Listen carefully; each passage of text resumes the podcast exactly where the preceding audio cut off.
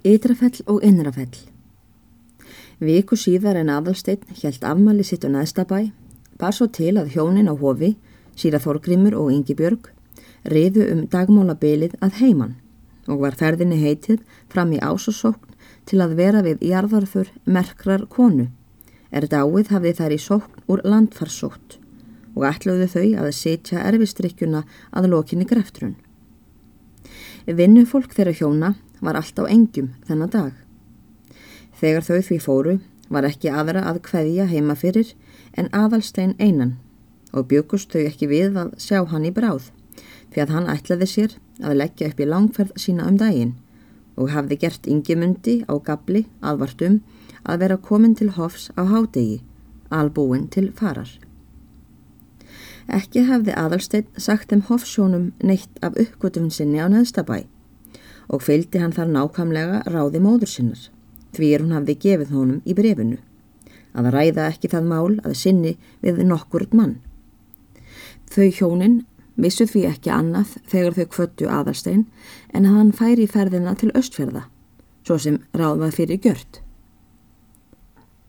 En það var reyndar allt önnur ferð sem nú stóð til fyrir aðalsteini. Þegar yngimundur kom að hofi, löst fyrir hádegi, hafði aðalsteinn teimt reyðskjóta sína heim á hlaðið og lagt nakk sinn á sörla en Mósi stóð hjá. Hvað ertu nú lengi minn maður yngimundur? Fretti aðalsteinn matreðar mann sinn tilvonanda, þá er hann var stígin af hestbakki. Svo lengi sem þú þart, vona ég að mér sé óhætt að segja, valdi yngimundur. Ég er svo lasin að ég er frá allir vinnu hvort sem er en ég hressist ekki við neitt ef ekki við það að koma á hestbakk og hreyfa mig. Útlitt yngimundar síndi að hann sagði satt frá um heilsufar sitt. Hann var fölur sem nár og tekin í andliti, fyrir líkast sem væri hann ný staðin upp úr sótt. Ég ætla nú að nota mér það sem þú sagðir um daginn, þú skildir ferðast með mér í sumar hvert sem ég vildi, sagði Adalstein og lagði einkum áherslu á síðustu orðin. Jæja, svaraði yngimundur og brosti við. Þótt hann gæti það naumast fyrir lasleika sínum. Einungis að ég rati það sem þú ætlar að fara. Hefur þú ekki komið í flestar síslu landsins? Indi aðalsteinn. Nei, það hef ég reyndar ekki gjört, ansar hinn. En þó held ég að ég myndi trista mér til að rata í þær flestar í bærilegu veðri. Ég er satt að segja, einna ókunnugastur um austfyrði. Ég hef aldrei ferðast langt austur á bógin og vildi síst þangað fara. Þó ég hins vegar ímyndi mér að okkur þurfi ekki að verða vandræði úr að rata því allstaðar er hægt að fá tilsögn. Þú skalt vera alveg laus við það að fylgja mér til östfjörða, sagði aðalsinn. Við þau tökum stefnuna þvert í móti, en það skal ég ráða veginum og rata sjálfur fyrsta áfangan. Þeir fóru nú af stað og tóku stefnuna í vestur, fóru fjallabagsveg og komu til Eistrarreps í Árnæsíslu, reyðu þaðan til Haugadals og frá Haugadal upp Hellisgarð, síðan norður millir Hlöðufells og Skjaldbreyðar þar að. Er skessubásavegur hefst en begðu þá til vinstri handar vestur með Skjaldbreyð að norðan og reyðu niður í brunna. Þá tóku þeir okavegin og komust niður í hálsasveit. Þaðan reyðu þeir yfir kvítársíðu og þverjarhlýð til norður árdals. Þá norður holtavörðu heiði og hafðu stefnuna til strandasíslu. Í þann tíma sem þessi saga gjurist er allmikil byggð um hverfis fellsfjörð á ströndum. Fjörðurinn hverfurinn til vesturs og útsöðurs, hann er fiskisell mjög. Þettastir standa bæjarnir fyrir botni fjörðarins, begja megin við fellsfjörðar á og er þar undirlendi talsvert, en þar vestur af taka við heiðar og fjöll. Norðan fram með fyrðinum standa fjórir bæjir, en tveir einir að sunnanverðu og heita þær jarðir Ytrafell og Innrafell. Þessar jarðir, er nú voru nefntar, eru taldar bera mjög af öðrum jörðum þar um sveitir og þótt víðar sé leitað. Valda því einkum landgæði samfara landrými, bæði til beitar og slagna og svo hlunnindi þau er jörðanum fylgja. Jarðirnar standa utralega við fjörðin og er svo skamta millir bæjana að heita má að að túnin leiki saman. Stendur undir sínu fellinu hvor, eða réttir að sagt, báðir standa bæjirnir fyrir minninu á dal nokkurum, er að liggur upp millir tveggja fella. Má heita að fellin hlaupi saman fyrir dalsminninu og leifa þau aðeins mjóan farveg á lítilli er fellur fram til sjóar niður á milli túnanna. Er áhen ekki stærri en svo á sumrum en hann má brúleggja fyrir gangandi mann með tveimur eða þremur trjám er lögveru samsíða.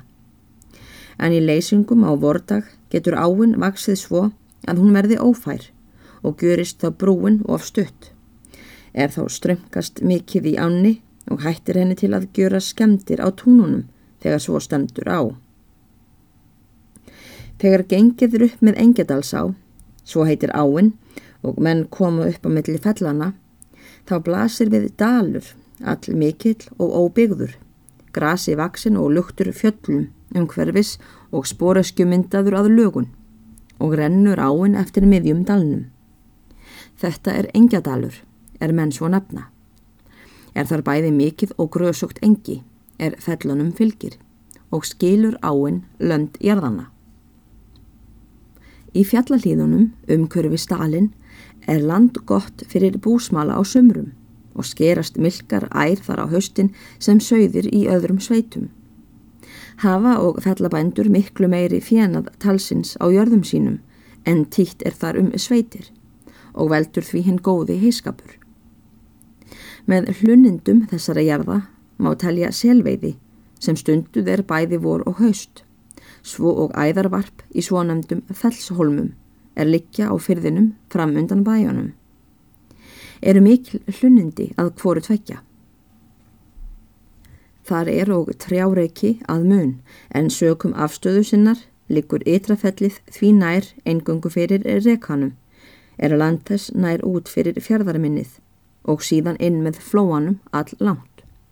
En innrafellið hefur meginlandið fyrir innan sig og inn með fyrðinum.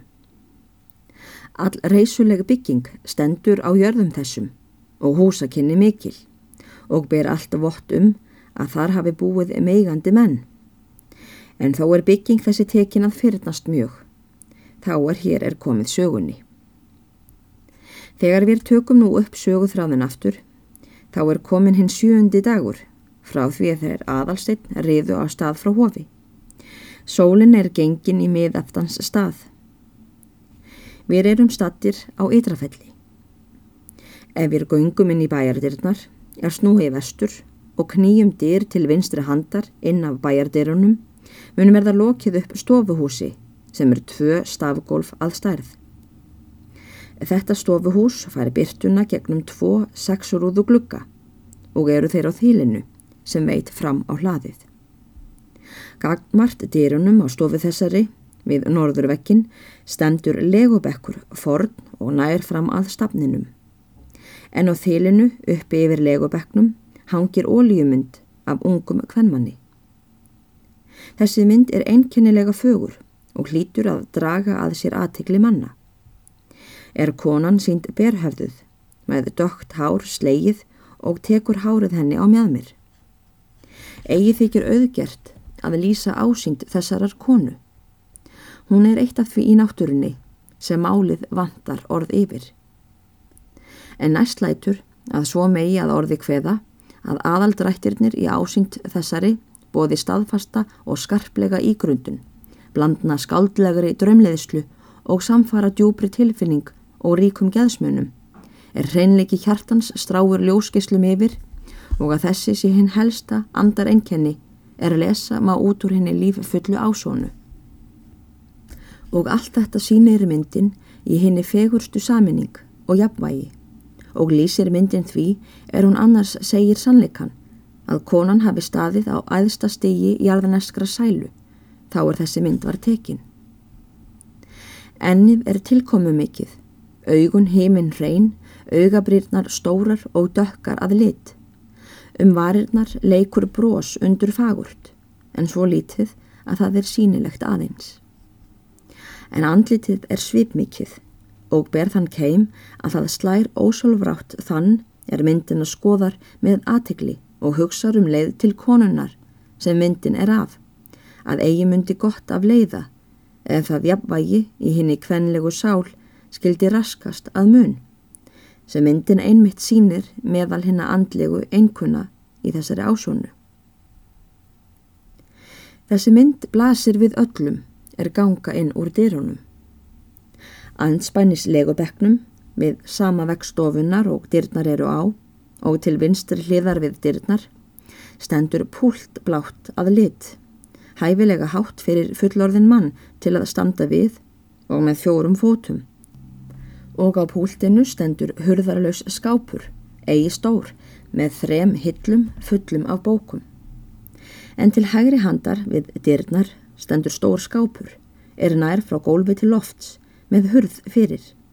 Stendur hurðin að þessu sinni opinn í halva gátt og má sjá inni í skápnum hillur, fullar með flöskur og glös og ímiskonar læknisáhöld. Enda leggur út úr skápnum svo megnan livja þef að menn mætti ætla þeir væri stattir í livjabúð. Frammi fyrir legubeknum stendur kringlót mahóniborð, einfætt og þrýr stólar standa við norðurvekkin innar frá legubeknum, gagvart stóra skápnum. Í þessari stofu eru þrýr menn er talast við. Tveir af þeim hafa fengið sér sæti á sínum stólnum hvor. Þeir eru svo klættir að þeir virðast vera gestir og ekki heimamenn. Þriði maðurinn stendur við púltið og bladar í bók á útlendu tungumáli sem hann hefur tekið ofan úr skápnum. Þessi maður er meðalagi hár, kvítleitur í andliti en svartur á hár og skegg. Hann sínist vera rúmlega færtugur aðeins, en þó eru talsverðar hærur í höfði hans. Ennið er stort og kvelvast svartar augabrúnir fagurlega yfir dökkbláum augum.